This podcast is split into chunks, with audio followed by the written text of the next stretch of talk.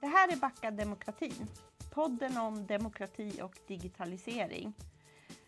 Utvecklas eller hotas demokratin av nätutvecklingen? Eller är det kanske lite både och och därmed upp till oss hur det ska bli? Jag heter Britt Stakston och är mediestrateg, föreläsare och författare och har ägnat en stor del av mitt liv till att få människor att bli mer sugna på att förstå vad nätet kan göra. Bli lite mer eh, proaktiva i relation till vad som händer på den digitala arenan. Sen hoppas jag ju att man använder det för att utveckla demokratin. Eh, jag vill göra människor mer delaktiga, att de ska se sin roll i samhället. Och en metod för mig själv att förstå mer av vad som händer är att lyssna på människor, förstå deras verklighet men också inspireras av andra som tycker och tänker mycket om de här sakerna. Dagens gäst är någon som också ägnar all sin energi åt det hon tycker krävs just idag för att lära oss mer om demokratins utmaningar. Välkommen Edna Eriksson! Tack så jättemycket! Vad kul att ha dig här! Ja, jag tycker det är jättekul. Ja. Visst är det här frågor du funderar mycket på? Ja, det är ja, nästan bara, höll jag på att säga. Men det är klart att det finns andra frågor, men ja, det upptar verkligen hela min tid. Ja. Mm. Jag tänker, eh, kan du inte berätta lite vem du är? Mm. Jag är en svårt yrkesschizofren person som har valsat runt i massa olika skrån och sammanhang. Från, jag är journalist från början. Egentligen gammal ljudtekniker, det kan man kanske nog inte tro. Mig. Wow. nej, nej, nej, men det var, på den tiden var rullband, så det är liksom, väldigt länge sedan. Eh, gammal bröllopsdiskjockey. Men sen har jag min fot i det civila samhället eh, och det var i den elevfackliga rörelsen som barn. Och den där tyckte jag var en ganska fin tid för det var en eh, elevorganisationen som det hette då eh, organiserade faktiskt barn eh, Eh, från grundskola och gymnasium så det var inte universitet och högskola. Och eh, det var på deras kurser när jag gick i första ring som jag verkligen bekantade mig med eh, skollagen, kommunallagen, socialtjänstlagen. Alltså vad, eh, vad betyder det här samhället? Inte bara i läroboken i samhällskunskap utan vad betyder det konkret och praktiskt för mig själv som människa och för andra och hur gör man demokrati? Ja. Eh, för att det är ju en sak att kunna saker teoretiskt men hur sitter de ihop och hur kan man bli en kugge i det? Och eh, det där var jättefin tid faktiskt och eh, eh, jag blev så otroligt engagerad så jag hamnade rätt uppe i, i liksom hela ungdomsorganisationskarusellen av det där. Eh, och började omedelbart så fort jag kunde att utbilda andra. För att jag tyckte så att hade jag fått... Det finns liksom en folkbildarnerv i mig som är omedelbar och den är av typen att får jag generös kunskaper av andra så är det min uppgift att se till att sprida dem till ytterligare andra. Eh, det är ingenting man hamstrar i sin egen garderob liksom, utan det, det finns liksom en, en självpåtagen förpliktelse att sprida. Mm. Så jag startade en massa närradioverksamhet på den tiden, långt innan internet fanns, för att se till att andra elever fick möjlighet att beskriva sin del av verkligheten och det man tyckte var angeläget och viktigt. Och så. så det var vägen in i liksom ungdomsorganisationsvärlden och där jag erhållit alla möjliga eh, tänkbara uppdrag och poster. Men sen så blev jag ju journalist och var det en väldigt kort stund för jag hamnade direkt efter mina studier på arbetsmarknadsdepartementet headhuntad in i det som blir, blev en ny integrationspolitisk utredning. Eh, så jag hann liksom inte riktigt förvalta det skrået. Men man kan säga så att, att frågorna har alltid varit de samma även om jag har varit i departementskorridorer eller om det har varit i civila sammanhang eh, eller som privatperson. Det är liksom samma 10 000 kronors frågor på bordet. Och jag är jättetacksam över att jag har kunnat eh, betrakta dem från massa olika håll. För det gör ju också att man blir ödmjuk inför det. Men då har ju du jobbat precis med det här om att ge människor en, en eh, verktyg in i mm. att praktisera demokratin. Mm. Jobba med inkludering i det arbetet. För den där typen av organisationer du nämner, det är ju verkligen demokratiskolor. Ja, absolut. Och man vet ju inte det när man eh, blir, har hand om frånvaropärmen i, i sjuan att man kommer bli gammal tjänsteman. Eh, det blir man ju. Men, det vet man inte. Nej, det vet man inte då, men de andra vet det. Ja. Men, men, och det tror jag också är viktigt att komma ihåg att det här är, för mig i alla fall, en, eh, med, med all ödmjukhet, det är en enorm gåva som inte är självklar för alla. Jag, har fått, jag är oerhört privilegierad och, eh, i det. Och det är väl det som också brinner i mig, att det privilegiet får inte vara till för några, utan det måste vara till för så många som överhuvudtaget möjligt, helst alla. Eh, för att det, det finns en slags kunskapshierarki och en kunskapssegregation som också bidrar till hur vi utmäter konflikter i den tid som vi, vi lever i. Och den tycker jag bör vara mycket, mycket mer generös i sitt delande, spridande, praktiserande, brukande, påverkande, knådande, konfliktande eh, och så. Absolut. Men berätta mer om kunskapssegregation. Mm. Hur tänker du? Jag tänker till exempel att när jag var med då i elevorganisationen så på bara några månader så kunde jag förstå hur jag själv kunde vända mig till kommunhuset eh, om det var någonting. Hur jag kunde hämta ut papper, hur jag kunde läsa dem, hur, hur jag kunde organisera mig, hur jag kunde ta med mig några stycken under armen och fundera över vad vi ville, åka runt till skolor och mobilisera. Hur ser det ut? Hur gör man då? Hur skaffar man ett demonstrationstillstånd? Hur uppvaktar man en politiker? Vad, sitta och knåda med andra om vad det här betyder. Eh, för att det ju, finns ju också det är inte någon, eh, alltid en... Um, en rörelse som mest generös är ju också en, en, ett eh, kollaborativt tänkande där man bryter sina funderingar tillsammans med andra. Är det så här eller är det så här? Man prövar sina Väldigt världsbilder. Väldigt samtida, ja, ja, fast men... de här kollaborativa rörelserna verkar glömma bort precis ja. det här som du beskriver, som ju har funnits som har funnits, absolut. Hela tiden ja. i organisations... I, när människor förenas och vill förändra. Ja, och att man också tvingas att tänka efter, eh, formulera sig, pröva det mot andra eh, och, och liksom hitta vägar, få andras perspektiv in i det. För det är klart att man själv kan bestämma sig för att det här vill jag, det här tycker jag, nu, nu kör jag det racet och det får man väl göra som man vill. Men jag eh, tyckte att det var fantastiskt bra, den där processen, att, och väldigt fint att få vara med i. Och den har ju sina spelregler och den har sin ordning. Eh, och eh, en av de viktigaste sakerna att ta med mig från den här tiden är också hur har jag konflikter med mina meningsmotståndare som är för mig jätteviktigt i en demokratisk process hur det ser ut, eh, hur det går till. Ehm, och eh, att demokrati handlar inte om mig och min rätt utan det handlar om eh, att försöka skapa delaktighet där många kan vara med och där man kan förhoppningsvis nå kompromisser som gör att fler än, än den lilla gruppen kan komma vidare. Mm. Högaktuella frågor apropå det som nu har skett efter valet och mm. Till exempel Sverigedemokraternas eh, gnäll eller krav på att nu har man ju 17,5 procent så nu ja. måste man lyssna ja. på dem. Och det där, blir, det där är så otroligt spännande tycker jag för att det är en slags missuppfattning om vad politik är för någonting i min mening. För att du kommer med dina mandat till riksdagen och jag önskar att det var så och så är det ju inte av någon outgrundlig anledning. Eh, för jag tycker att partierna har alldeles för mycket att säga till om idag. För riksdagsledamöterna är ju valda utav sina valdistrikt eh, och har sina väljares mandat. Och det är med sina väljares mandat man kommer in i riksdagen. Man har inte partiets mandat, man har väljarnas mandat. Och, eh, vilket egentligen skulle kunna göra riksdagen till den här platsen som verkligen skulle kunna koka av samtal och förhandlingar och kompromisser och diskussioner för att kunna skapa ganska breda beslut i riksdagen. Men vi har ett alldeles för stort partiinflytande. Vi har en alldeles för stark partipiska som faktiskt inte är konstruerad så från början. Vår demokrati är inte skapad så. Det har blivit en tradition, ett antagande. Eh, och eh, det gör egentligen att som det fungerar nu så skulle det räcka med en person i riksdagen från varje parti som hade en procentmässig röst och, och så trycka på. För att man har förlorat hela den, eh, det faktiska mandat som man har med sig i bagaget. Och det tycker jag är gravt olyckligt. Och Det gör ju också att man missuppfattar det där lite grann. För att i riksdagen har du naturligtvis möjlighet att samtala med vem du vill, kompromissa med vem du vill.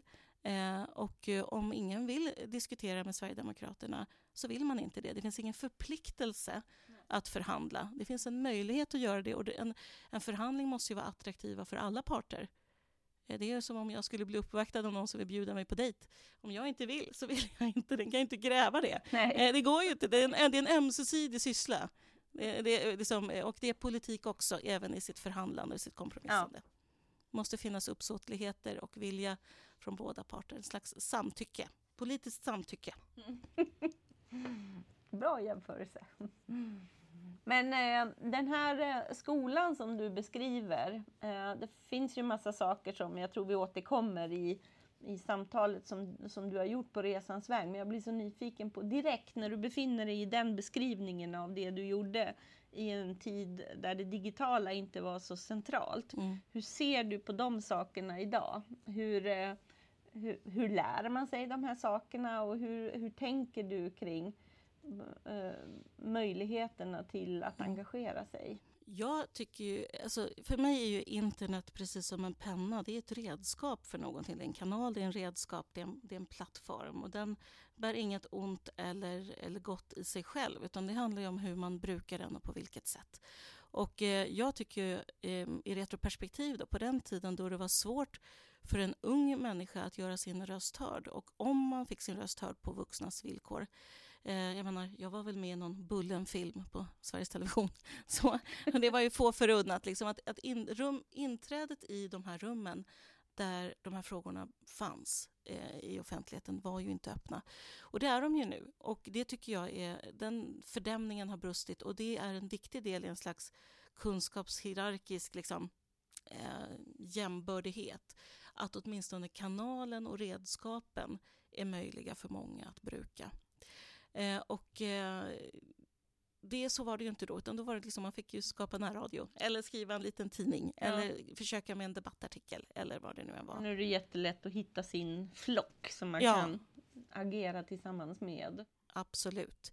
Eh, och då kommer ju det här andra brukandet då, och det är ju liksom att eh, eh, att kunna stångas tillsammans med andra som inte tycker som en själv. Eh, och där är det ju problematiskt för att det, det är väl ingenting som egentligen människor gillar. Faktiskt inte av någon åtgrund. Jag har alltid tyckt det var jättespännande och vänt upp och ner varenda familjetillställning till det ena och det andra sedan jag var barn. Nu var det inte alltid de andra som tyckte det var jättekul. Eh, men ja, för mig är, är undersökandet och nyfikenheten inte något problem. Eh, och konflikten är inget problem heller. Nej. Men jag förstår att man, om man inte vet hur man kan göra det på ett sätt, då är det mycket som kommer på spel.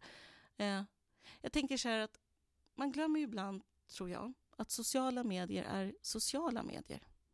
Eh, och eh, precis lika lite som människor bråkar på julafton för att man ska träffas på påsken efteråt så är insatserna för att tycka någonting annat, de kostar någonting socialt.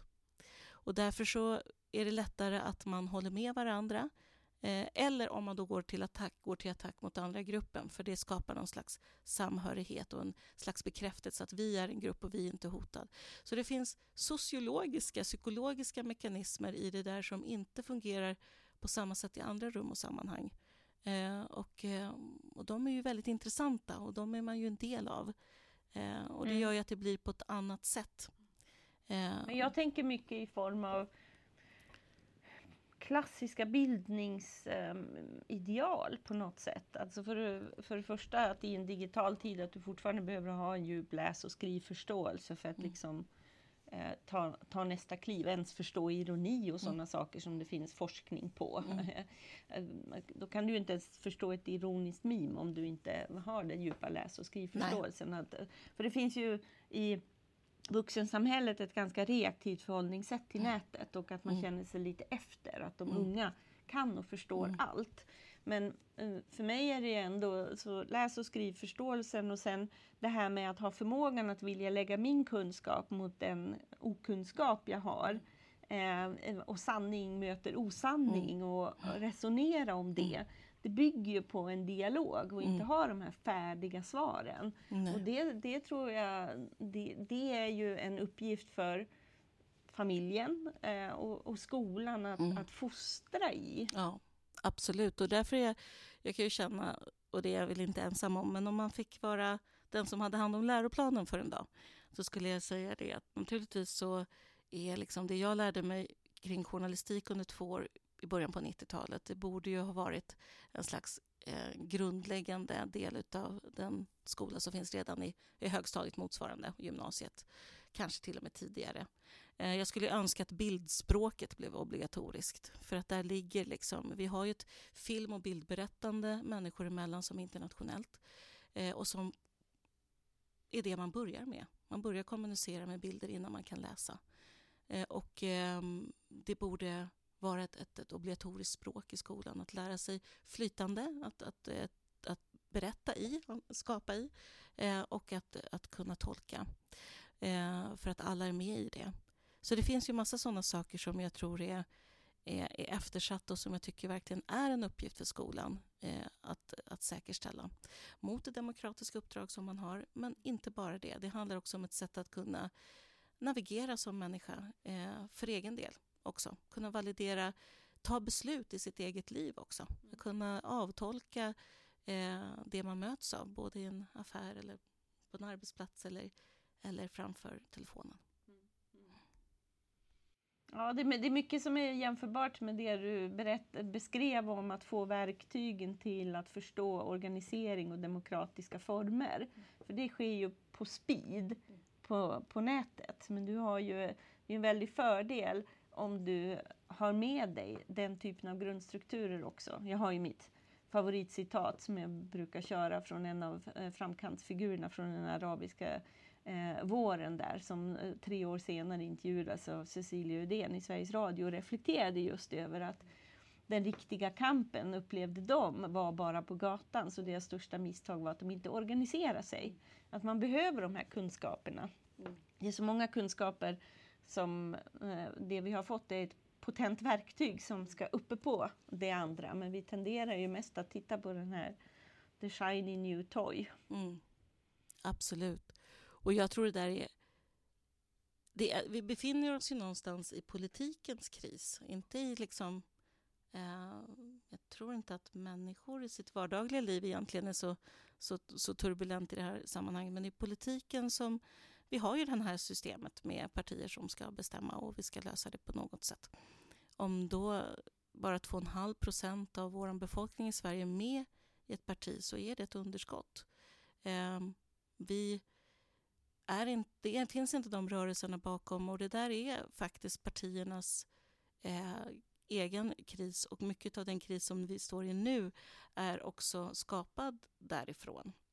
Och sen handlar det också om, och det, är så många dimensioner i det där som är knepigt för att jag menar, jag tänker på om vi tänker på förra sekelskiftet. Liksom. Det var ju att gå in i arbetarrörelser, att engagera sig politiskt, att slåss för de frågor som fanns då. Det får man ju säga är ganska mycket punk. Det är liksom att få, få det, det är framtidshopp, det finns en enorm rush över att äntligen bli taget på allvar, äntligen kunna få delta, kunna vara många, organiseras, se resultat under pågående i den riktning som man vill. Eh, och det, att gå med i ett parti när jag var i tonåren, det var ju inte punk. Det var ju liksom det var inte det alls. Den som behövde det sökte sig till andra platser och plattformar eh, PR och journalistik och alla sociala entreprenörskap och Eller allt ockuperade hus. Eller ockuperade, ja, ja, precis. Gör själv ja, istället. Liksom. Ja, ja. ja precis. Och, och visst, jag menar, det gjorde jag också, för jag hittade ju det. Eh, den vägen som jag var engagerad. Liksom så. Eh, och, eh, men vet du, jag måste få berätta då att mm. några år senare, mm. när jag då eh, gick vidare i yrkeslivet och hade blivit 25-30 år, då upptäckte jag att det var ju de där som hade lärt sig det där trögrörliga. Det var ju de som bestämde allt. Ja, visst, och det var det som jag tyckte då var så speciellt för att alla de som satt i min förbundsstyrelse under den period jag satt, det var inte min, men när jag satt där, eller för landsrådet för Sveriges ungdomsorganisationer, alla de människor, ett hundratal eh, ska jag kunna säga, blev maktfaktorer i Sverige. Exakt, för det var och- faktiskt de som var de Ja, ja, jag ja, Absolut. jobbade med på den, under den perioden. Absolut. Precis. utan konkurrens. Ja. Eh, vad heter det? Med, det är liksom, och det var väl det som var så intressant, att det fanns en, en bred motorväg rätt in i makten. Ja. Eh, och en förhoppning också hos vuxna makthavare då att hitta sina efterträdare som såg ut och fungerade ungefär som de själva. Eh, och, och det här fanns ju liksom en, en tillförlitlig rekrytering. Det var liksom så. Och det där är ju, blir ett problem. Det blir ju liksom en egen... Här menar jag då liksom att det finns en, en, både en kunskapsmässig och en maktmässig segregation som var ganska ogenerös. För jag såg inte i den här rörelsen som jag då ändå kunde vara, uppleva var väldigt generös mot mig, inte upplevde var så himla generös mot andra. Eh, det var inte så att vi knackade dörr och verkligen kämpade alla gånger. Eh, det varierade väldigt mycket. Eh, och jag, det är liksom en av de sakerna som jag tycker är det största misslyckandet. Utan, det här handlade inte om mig själv och mina förutsättningar eh, utan att vara med i en rörelse kräver den generositeten. Det saknade jag. Jag saknade den hungern av att nu åker vi ut, nu gör vi saker och ting, nu, nu delar vi med oss. Det blev liksom ett väldigt elitistiskt bygge många gånger och eh, den hatten får man äta upp. Och eh, det besvärade mig då och det besvärar mig nu. Mm. Det där är väldigt, väldigt spännande för jag håller ju verkligen med. För mig var det ju en chock att jobba 16 år i den världen. Först känna mig otroligt okunnig som inte hade lärt mig det spelet. Och väldigt jobbigt att lära sig det från sidan och jobba mot den typen av organisationer. Ehm, eh, svaret var inte att gå in i någon av dem utan de var mina uppdragsgivare, att förstå den kulturen och så. Men, eh, och så jobbade vi med eh, projekt som handlade om eh, mot rasism och främlingsfientlighet och man vill göra bra saker för världen. Och sen efter 16 år lämnar jag den här världen och går över till energibranschen. Eh, och kan då sitta vid bordet med Svensk Bioenergi å ena sidan och Petroleumförbundet i andra. Och de förmådde i det rummet diskutera miljöfrågan ur ett övergripande perspektiv i relation till unga. För det var mitt uppdrag att fundera över hur kan unga bli intresserade av miljöfrågan. Det här var liksom ja, länge tidigt och före Al Gore och allting. Så det fanns mycket att göra för att väcka intresset. Liksom. Och då insåg jag, men jäklar vilken schysst arbetsmiljö här. Och då förstod jag vilka vassa armbågar jag hade jobbat under i 16 år. Att trots att vi jobbade med de här viktiga sakerna och viktiga frågor som handlade om respekt för varandra. Så som strukturer och organisationer kämpade vi om samma pengar och var ganska ogina mot varandra. Precis det här du beskriver.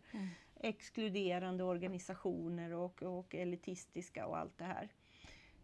Så det är den ena dimensionen, men när du började prata om politikens problem med rekrytering så kan det ju finnas ett perspektiv av tillit. Mm.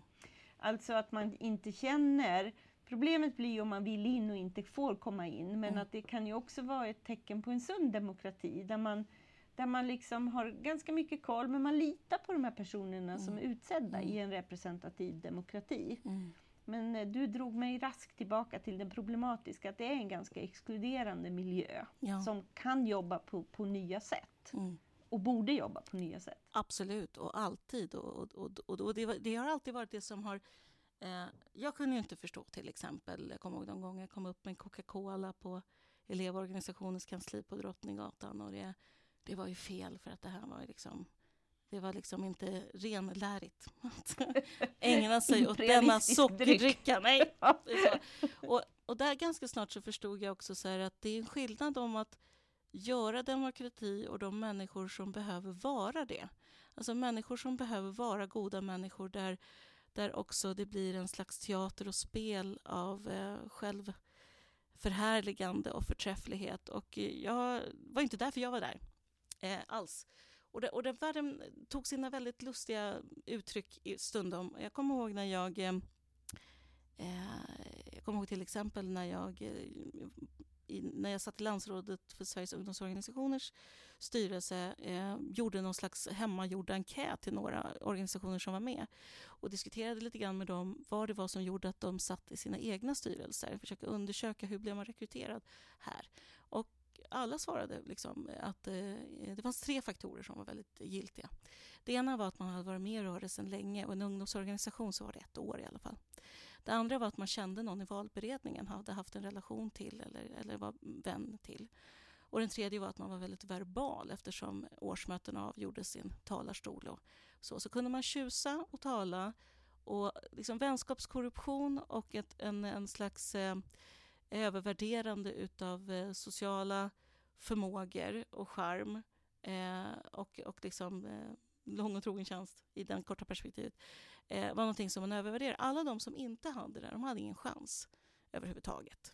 Eh, liksom så. Och jag kommer ihåg att jag jobbade stenhårt för att försöka utveckla valberedningsarbetet. Att om det är så att någon känner någon som ska intervjuas så måste man gå i rummet.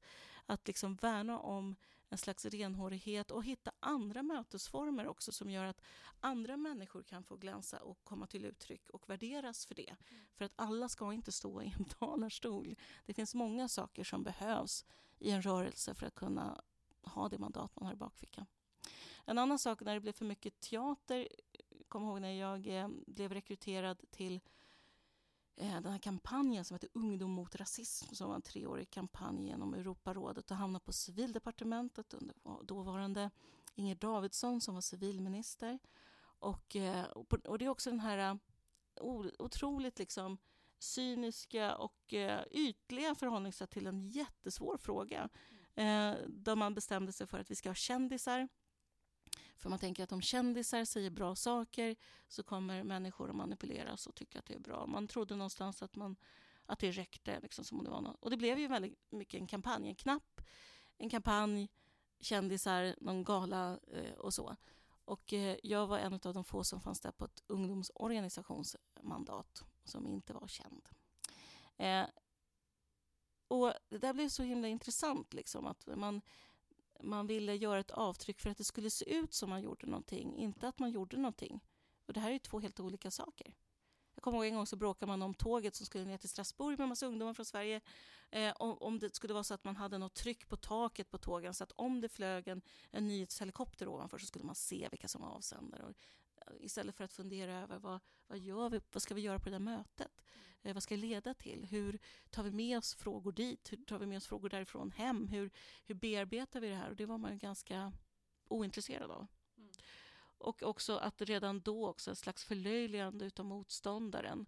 Eh, jag kommer ihåg någon slags kortfilm om några skinheads som var verkligen ett förnedrande och ett tonalitet och tilltal som både var ytligt och inte jämbördigt och eh, raljant och otrevligt. Och det tycker jag aldrig att en, en sån här viktig fråga som, som rasism och invandrarfientlighet, sexism eller vad det nu handlar om, eh, den ska inte hanteras på det sättet. Mm. Vi ska komma tillbaka till teaterbegreppet för det tycker jag är otroligt relevant när vi pratar nutid. Men jag eh, vad var det jag, jag ville fånga upp en annan tråd? Jo, när jag hörde dig nu beskriva din syn på de elitistiska och exkluderande organisationerna. Mm. Det resonemanget skulle ju alla sverigedemokrater förenas i dig med. Mm. Det är ju deras syn. Mm. Eh, och då tänker jag, hur, eh, hur hanterar vi det här perspektivet? Jag såg till exempel i senaste val, valundersökningen. Så om man tittar på förtroende för politiker så är det en siffra som generellt går ner för mm. varje år. Idag är genomsnittet på 60 procent. Eh, om man upplever att man har förtroende för politiker, så är frågan ställd. Eh, och eh, de rödgröna har upp till 73-79 procent i år. Moderaterna hade förra året 89 procent och även valet innan på 80 någonting är nere i 56 procent. Mm. Mm. Och de andra ligger, det är genomsnittet 60 mm. som sagt. De sverigedemokratiska väljarna, där är 23 procent som har förtroende för politiker. Mm. Det ligger ju i det här och då har jag skrivit en text om det att jag, det där tror jag på ett lokalplan kommer försvåra otroligt mycket att bedriva politik för att det kommer bli jag menar, för där finns det ju ett förakt för det politiken har gjort. Mm. Och det finns också ett generellt förakt för att man anser att alla vi som inte har röstat på Sverigedemokraterna har ju förstört det här landet. Mm. Men där är man ju, alltså det är ju det här i diskussioner man förstår att frågor flyger ganska bra för det finns fler som kan dela den här, det här perspektivet är ju den typen av resonemang som de för i relation. Så mm. hur kan man ha två tankar i huvudet ja. samtidigt? Jo, alltså jag tror så här att det där handlar också om vad, hur... Den är, den är komplex, så här ska jag säga. Eh, var, vilken, vem blir jag? Vem blir jag när det här pågår? Eh, vem blir jag och vad gör jag av min maktlöshet? Eh, och det finns inget härligare att, att omvandla sin maktlöshet till makt genom konspirationer eller att det är eh, man är ansatt och underdog. Att vara underdog är att vara topdog på sina egna villkor. Och det är otroligt liksom, eh, vad heter det, rewarding, eh, på, känslomässigt och på alla sätt. Man känner att man blir någon eh, som plötsligt har någonting om man ingenting annat har. Och det är också omöjligt från början, alltså inte speciellt ansvarsutkrävande utan man behöver inte vilja någonting utan det räcker att man, att man pekar finger åt, ungefär som kommer ihåg på 80-talet när det fortfarande fanns telefonkiosker och man fick ett annat besök i skolan om att man skulle stoppa sabbet och så.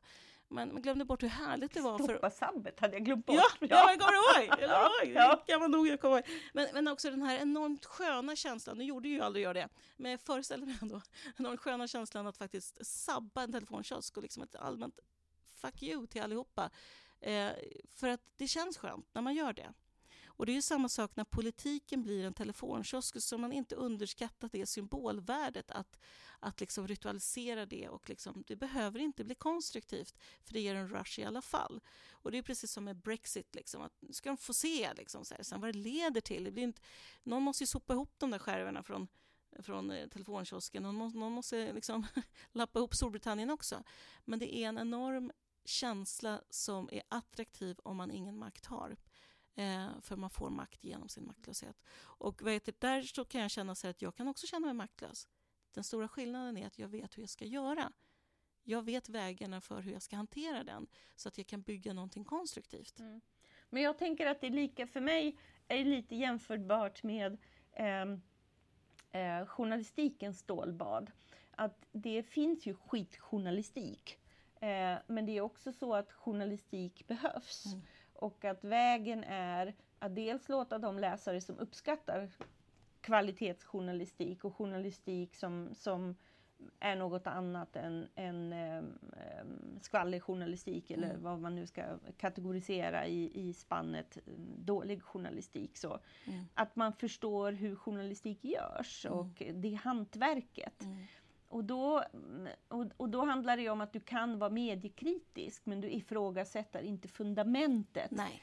Eh, journalistik och medier och Nej. fri press. För Nej. mediekritik är jättebra. Mm. Och det är det här med att hålla två tankar i huvudet samtidigt. Mm. Man kan förenas med den, liksom den populistiska vågen. För den flyger ju bra att vara, mm. känna ett politikerförakt. För mm. det bubblar ganska mycket överallt. Mm. De här siffrorna jag drog visar att det är otroligt stort i en stor grupp. Men det sjunker allmänt och det finns fler som känner igen sig i vår beskrivning av exkluderande organisationer. Men just det att också tänka, det betyder inte att jag inte tror på den representativa Nej, demokratin, exakt. att den kan utvecklas exakt. då.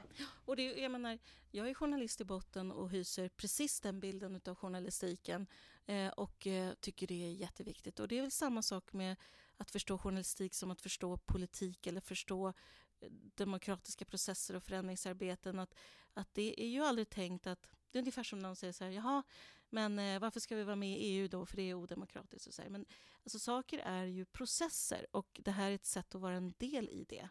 Eh, och att förstå det eh, tror jag är jätteviktigt för att också känna någon slags tillit till det. Eh, för det är lätt att bara odla sin, eh, sin hopplöshet i det. Men absolut, och jag, jag, jag läste någon vecka innan valet det var idén om jag minns riktigt, eh, en eh, rapport av några forskare som tittade på Sverigedemokraternas väljare och synliggjorde lite den här konflikten på ett annat sätt med outsiders och insiders. Mm. De som har vägarna eh, in i makten, de som inte har det. Och att Sverigedemokraterna då i deras beskrivning då uppfattades som ett parti som var ett slags känga mot makten och att de politiker i Sverigedemokraterna som gör sig synliga, att man kunde identifiera sig med deras utanförskap. Inte utanförskap av deras eh, maktmässiga utanförskap och då blev de mer trovärdiga. Och en förflyttning också av konflikten från att vara eh, vi som har det dåligt och min farmor som har det jobbigt på ålderdomshemmet och Försäkringskassan och saker som kan finnas i människors nära verklighet som är säkert absolut välgrundade. Eh, besvärliga, inte okej, välgrundade betraktelser. Eh, men, men där det liksom är, är, hur ska vi lösa det? Och i tidigare politiska konflikter så har vi haft liksom konflikten mellan vem ska betala det här? Och så kan vi liksom ha en konflikt mellan höger och vänster på olika sätt.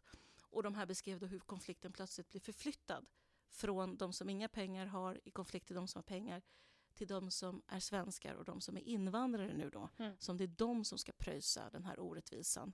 Så en hel förflyttning från klasskonflikt till, till liksom en, en etnokonflikt som är livsfarlig. Eh, men som bär massa naturligtvis begripligheter i botten. Men ja, jag tror att det där är viktigt. Man måste kunna vara kritisk saker och ting utan att liksom kasta ut allt som har med saken att göra. Eh, det är otroligt viktigt i alla sammanhang. Eh, både på det privata planet till, det liksom, eh, till alla andra.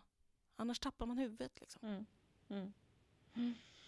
Eh, nu när jag eh, funderade på eh, saker du hade gjort tidigare så stötte jag ju på just Ungdom mot rasism och när jag läste på lite mer så hittade jag ju också om att du tycker det här om att vi har kört helt fast kring begreppet mångfald. Du har mycket ja. tankar runt det. Jag tänkte det vore kul att höra dig resonera om.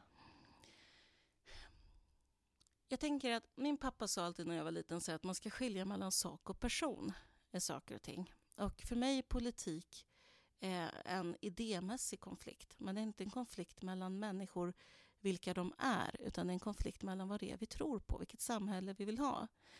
Och, eh, jag, och rasism är ju liksom en slags idé om att vissa människor som ser ut på ett sätt skulle vara på ett sätt och liksom odla en konflikt på det sättet som inte har någon grund överhuvudtaget. Det som var min knepighet då när jag som 22-åring jobbade på arbetsmarknadsdepartementet, det var ju att jag var satt i den tiden att skapa någon slags politik för unga kvinnor med invandrarbakgrund. Och det där var ju sånt otroligt liksom, knas i mitt huvud. Jag begrep inte det här. För att att vara, som jag då, född i Mexiko och vara kvinna, tillhöra en slags ursprungsbefolkning på håll. Det är ju saker som jag är och har då möjligtvis, men det är inte saker jag behöver eller gör eller kan eller, eller tror. För det, det fungerar inte så. Och, och det där blev jätteknepigt där i början på 90-talet för att man började blanda ihop att det människor är, är någon slags idé av saker och ting. Är man kvinna är man jämställd. Är man invandrare är man inte rasist. Är man, är man det ena så är man det andra. Och så fungerar det faktiskt inte. Det finns ingen vetenskaplighet som styrker det här överhuvudtaget.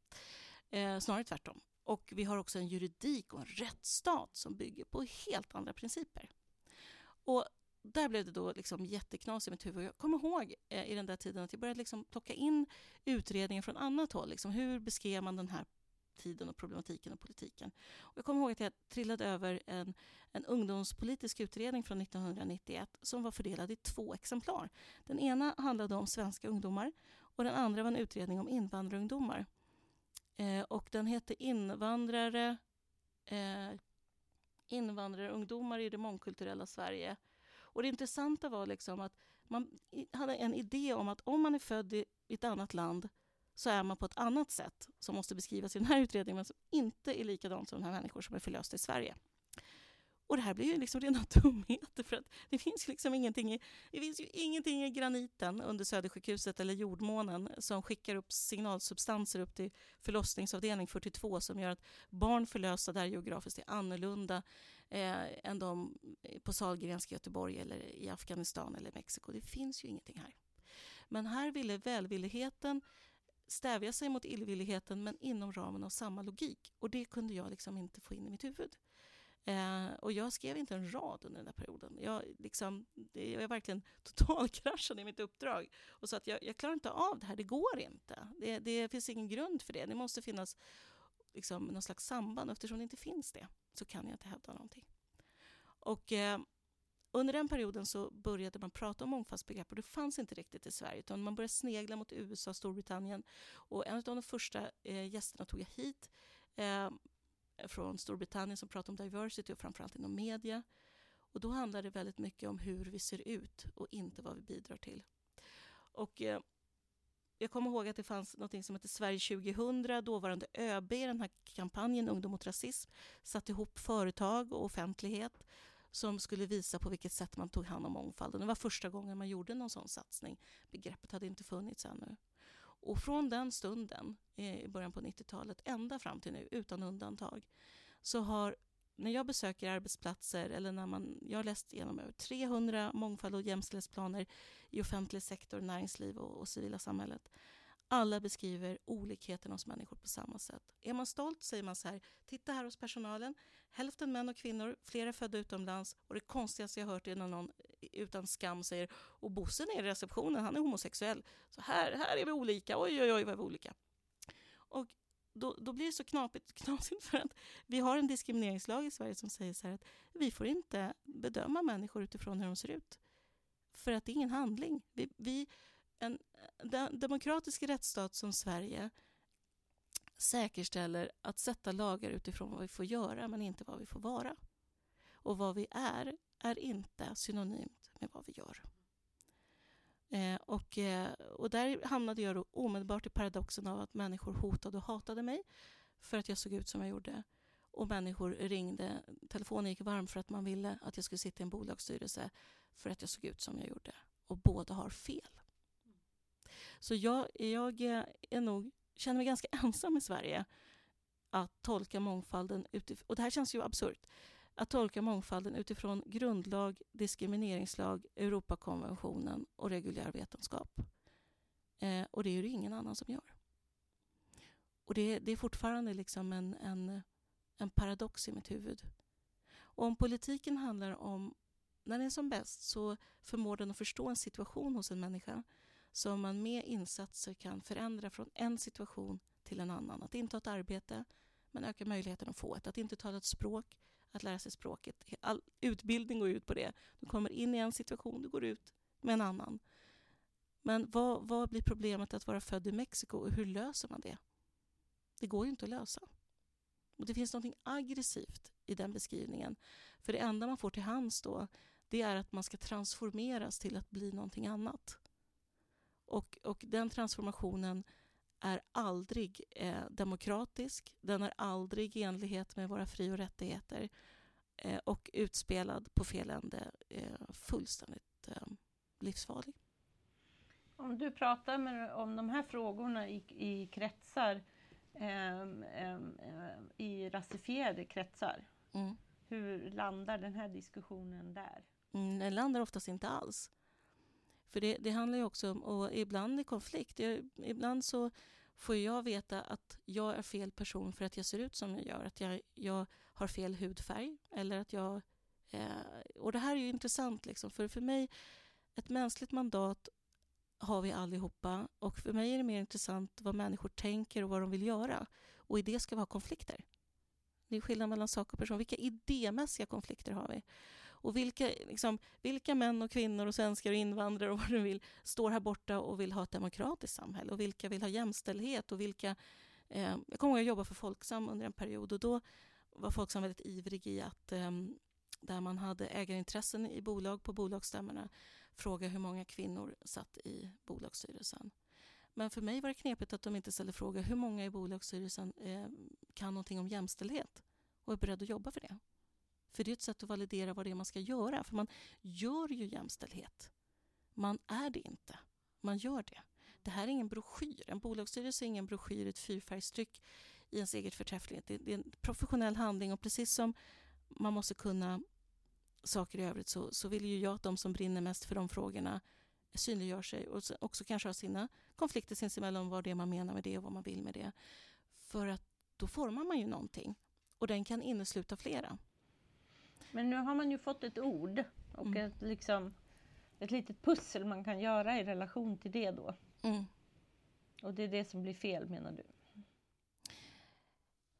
Jag, jag hävdar då liksom att oavsett hur man ser ut så är det ingen utkomst av vad den människan tror, tänker, tycker och gör. Och eftersom det aldrig är så, så är det aldrig en garant för någonting. Um, utan man måste intressera sig för det andra. Och det är där vi ska drabba samman och tycka olika och tänka olika och vilja forma olika saker så vi får tag i rätt konflikt.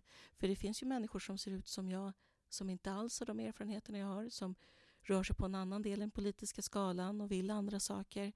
Och eh, det blir en imaginär konflikt mellan objekt istället för en, en verklig konflikt mellan faktiska idéer. Och en imaginär representation.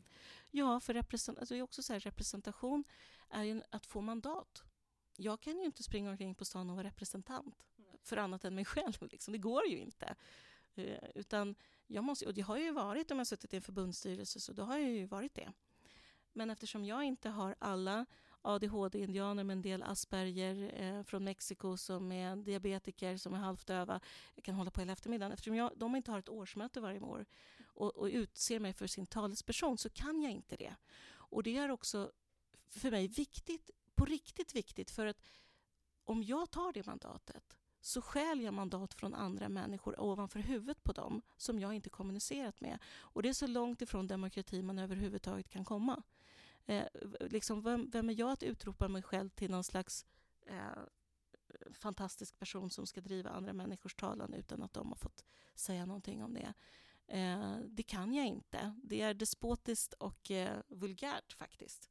Men de gångerna som man har det mandatet med sig, då kan man spela det. Eh, man är elevorganisationens förbundsstyrelseledamot. Då har man den organisationens elever bakom sig.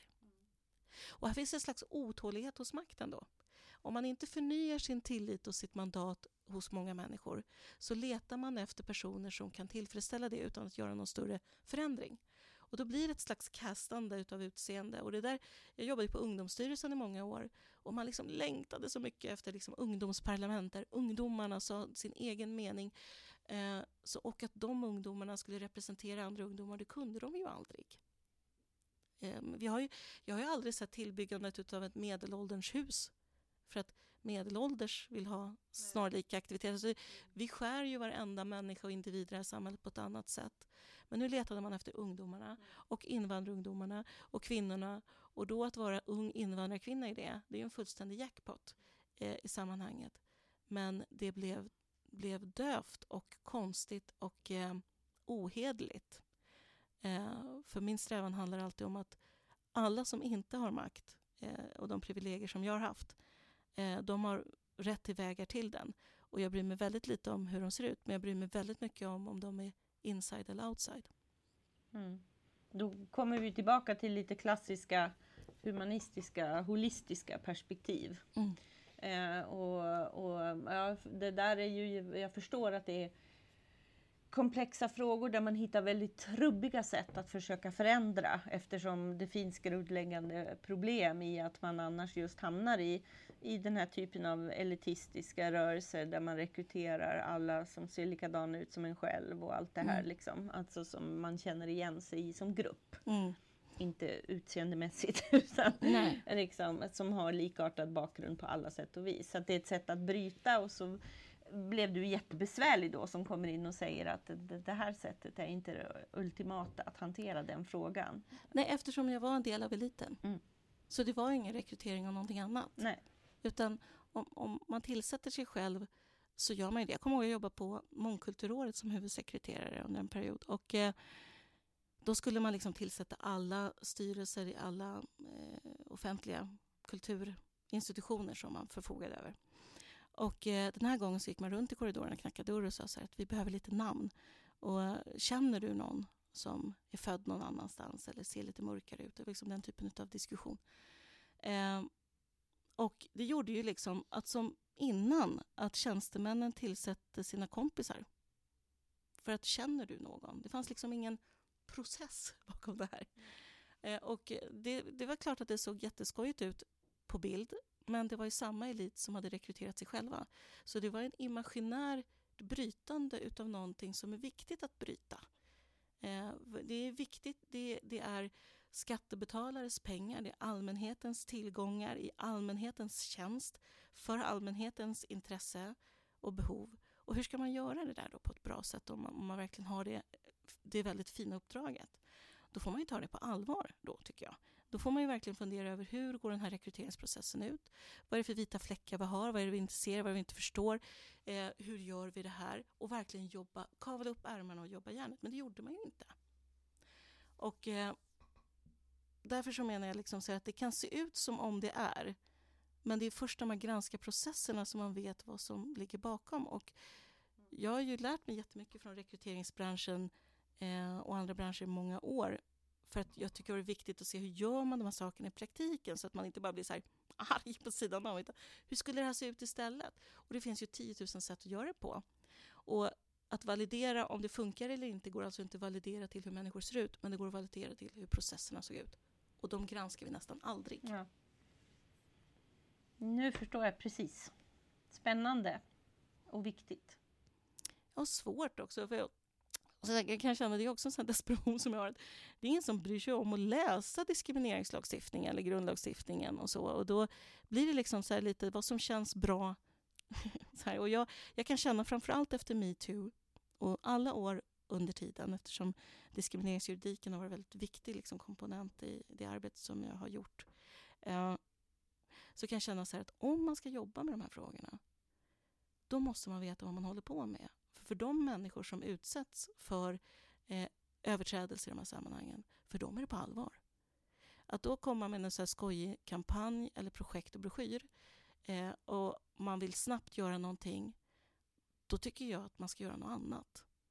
Men vill man verkligen här så finns det saker man både respektfullt och klokt kan göra. Men då, då är det jobbigt och då är det svårt och det är inga easy wins och man kommer inte få ett pris för det. Men man kanske gör skillnad för de människor det innebär. Och det är det enda som är viktigt för mig överhuvudtaget. Och därför är jag väl den jobbigaste konsulten i Sverige på det sättet. Men, men det finns människor som delar den seriositeten och det finns många exempel under de här 25 åren där det är människor som har försökt. Du, jag tänkte vi um, tittar lite på hur det ser ut nu och då tänker jag att vi sågs ju i somras mm. och då var vi tillsammans på en, en av många sessioner i Almedalen mm. som hanterade om demokratins utveckling och, och, och, kanske med extra fokus på hot mot demokratin mm. och så.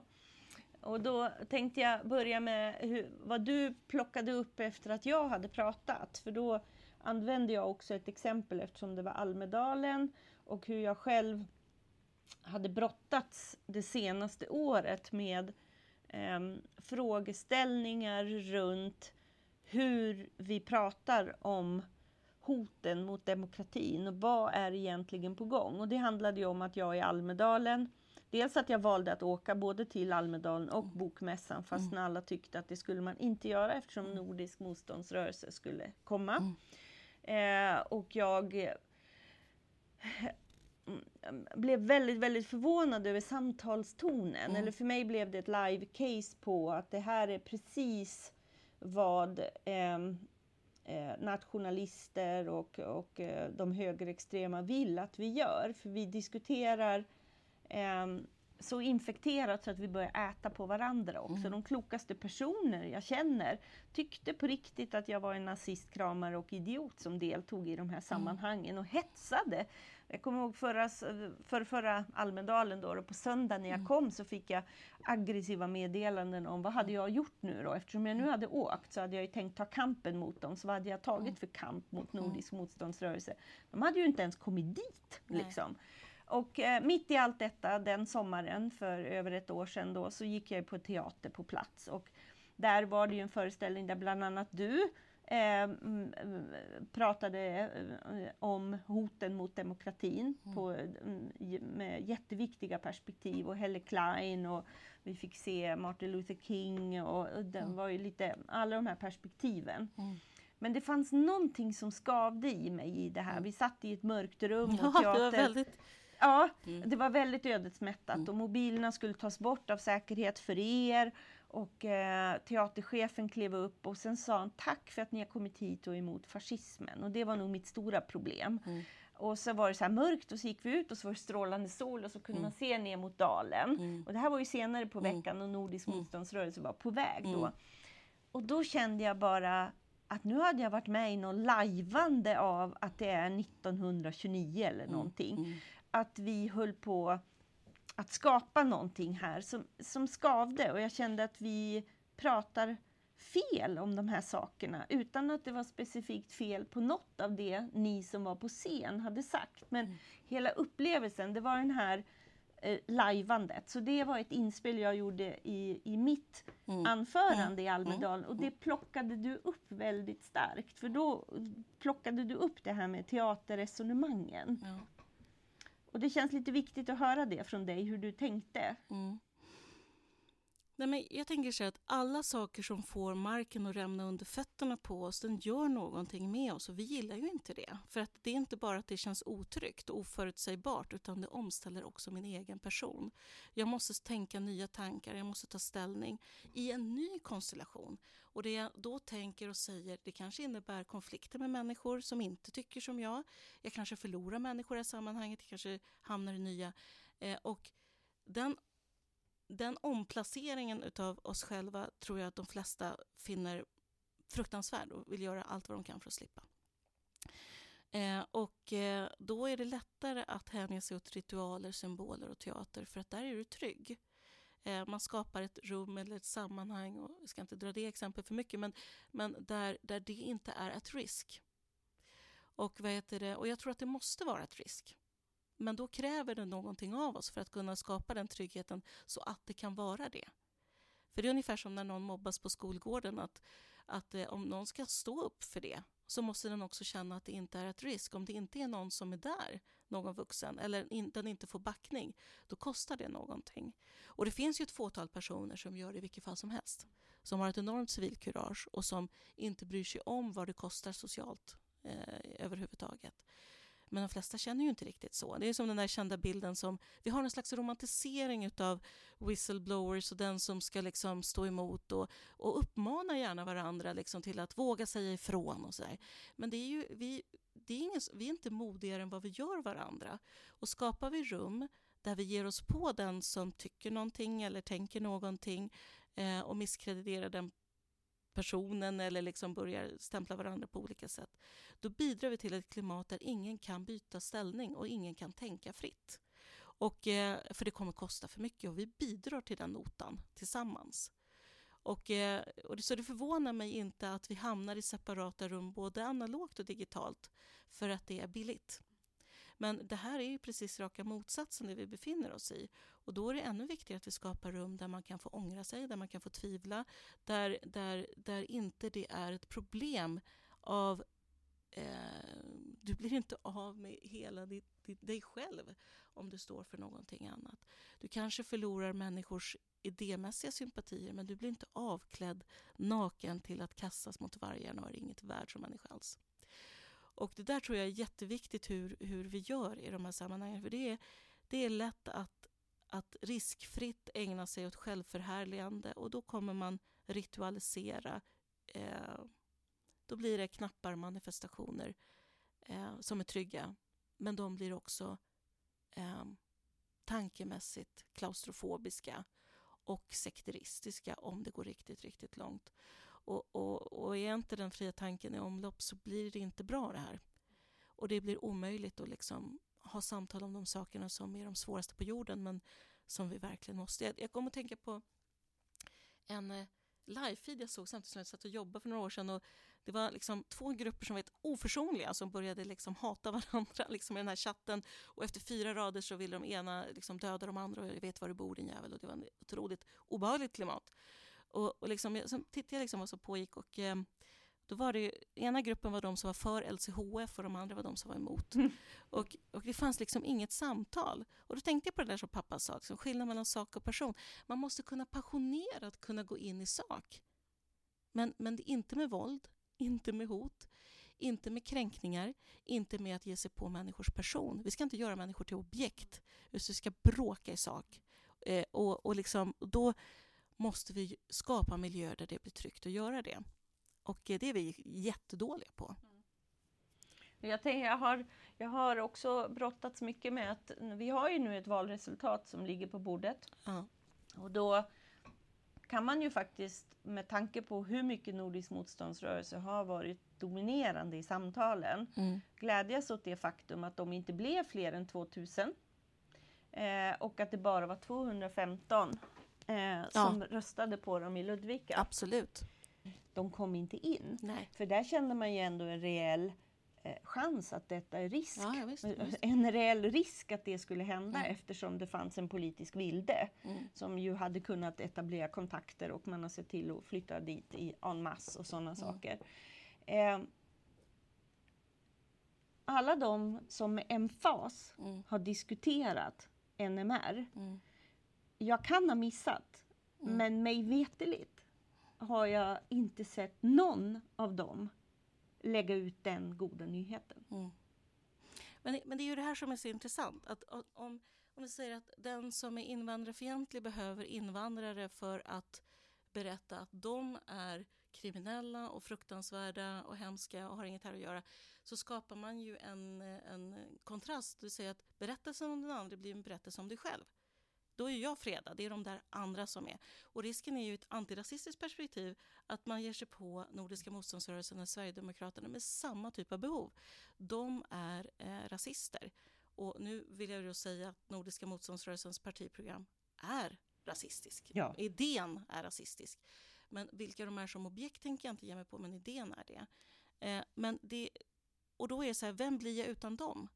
Alltså om jag inte kan ehm, om, man- om man som människa inte har den här fienden på något sätt, då blir man ju inte så härlig själv, för då kan man ju vara det ena eller det andra. Och det är när vi skapar den här typen av polarisering eh, eh, och, och drama, där vi blir hjälte och den andra blir skurk, så, så liksom blir det inte bättre vilken uppsåtlighet man har eller vilken grupp det är det handlar om. Och jag tror att det där är jätteviktigt att inte falla offer för, så att man liksom använder Nordiska motståndsrörelsen på det sättet som de använder andra för att förhäva sig själv.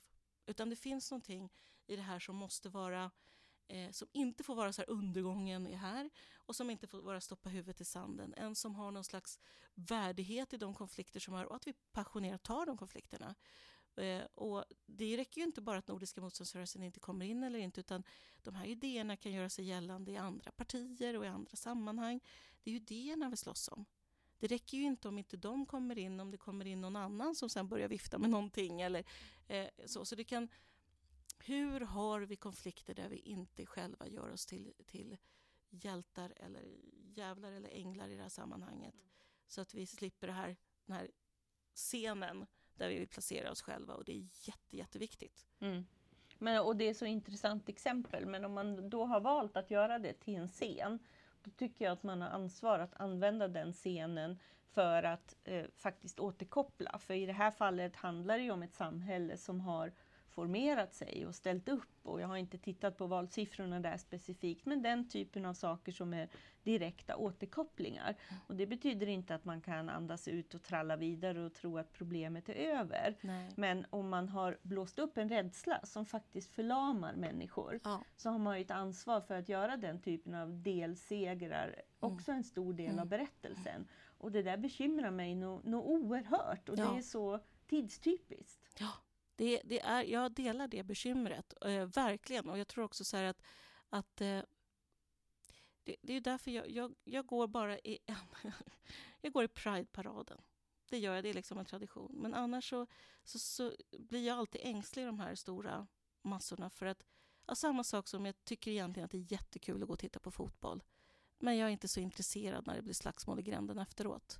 Det är olika behov. Jag har behov av fotboll, men jag har ingen behov av fight. Och vissa människor behöver fighten för att definiera sig själva. Och de, de som har det, de har ju också, lever ju också i en slags symbios med varandra. De behöver den fighten. Finns den inte, så finns inte de. Eh, och eh, då är det nästan så här härligt om man har gjort en manifestation som Nordiska motståndsrörelsen kommer och förstör. För att då, då blir det en väldigt påtaglig konflikt. Men för mig vandrar jag omkring i Almedalen väldigt mycket och funderar över så här, vad är det här för frågor? Hur ska vi göra? Hur ser det här ut? Och, och liksom, man hamnar inte på första sidan och, och liksom, eh, det är ingen som klappar en i ryggen och tycker man är världens hjälte. Och det är väl det som är det viktiga. Det här gör vi inte för att vara härliga själva, utan det här är bortom det. Och det är ett jäkla knepigt jobb och det är inte så jäkla sexigt kul. Men det spelar ingen roll, för det, det, är liksom, det här är också på riktigt. Det är mitt sätt faktiskt att tillskänka det allvar. Inte, eh, inte genom att, eh, att liksom nu blickar vi ner i avgrunden och så så skräms... Alltså det finns någonting så här... Så, ska jag säga, så kunde jag också känna som ung många gånger och som, som med, med, min bakgrund att man ville gärna ha någon som kom och talade och som liksom lät smockorna falla ut över publiken. För att, att, att få liksom höra att man är en dålig människa är på något sätt någonting som människor gillar. Det är en slags eh, demokratisk späkning i all sin liksom, litenhet. Att åh, det kändes och hon var så arg och, och vi är så dåliga och det är så starka känslouttryck så att man tror att man har gjort något. Men det är liksom lika lite som jag, som jag tror på att man ska liksom eh, jag tror inte att man ska göra det i något sammanhang. Men det, där, det är väldigt starka krafter i rörelse. Och det, jag tycker själv att jag, att jag liksom ibland känner att det är svårt att vara i det här samtalet med någon slags nykterhet när vi alla riskerar att tappa huvudet. Eh, och eh, jag vill inte bli bricka i någon annans spel och jag vill inte använda andra människor till det heller. Och det ställer ju krav på en själv väldigt mycket. Och, och liksom, det är ju långt ifrån enkelt. Men det är för jäkla viktigt. Och det är också en idé om vad är en kamp? Hur ser den ut? Är den några affischer i Almedalen eller är den, vad är den för något? Och, och det jag skulle vilja säga att jag tycker att den här kampen består av är liksom när jag träffade ett studieförbund uppe i Lycksele i förra veckan till exempel som, som plötsligt så kläcker idén så att vi kanske borde samla polisen här lokalt och diskutera hur det fungerar med demonstrationstillstånd och var går gränserna och hur ser det ut? Och, så, att vi, så här ser det ut, så här funkar det, här går gränserna, så här kan man göra. Eh, vi kanske skulle prata med några i Göteborg och några på Gotland och så här, vad, hur, hur, förstår vi det här och hur ser spelreglerna ut och hur ska vi tänka? Eh, över gränserna lite grann för att hitta kunskap och handlingskraft i de här sakerna så att det inte bara blir eh, en frontal krock där alla går sårade ut i det och framförallt demokratin går sårande ut i den striden. Mm. Så att, ja, det där sega, påtagliga, eh, viktiga tror jag. Och det, ja. Och jag ska också säga att när man är ute och pratar om om sådana grundläggande demokratiska eller konstitutionella frågor så tror jag att folk skulle bli förvånade över eh, hur intressant det är för människor oavsett vilken bildningsnivå de har, oavsett var de kommer ifrån, oavsett om de är från stad eller land. För att det här handlar ju om deras liv och sammanhang och frågor som är viktiga på riktigt. Och när man hamnar i det samtalet så blir det på riktigt också. Eh, och där föds också väldigt eh, goda idéer. De behöver inte en kändis. De behöver inte en hashtag alla gånger utan de behöver eh, seghet, utrymme och eh, någon slags värdighet i all krånglighet. Och, och då händer det grejer. Mm. Mm. Så jag är väldigt, väldigt hoppfull. Ja. Det tycker jag känns som en bra avslutning om det inte är något du vill eh, addera om vad du gör dagligdags och din stiftelse eller hur tänker du?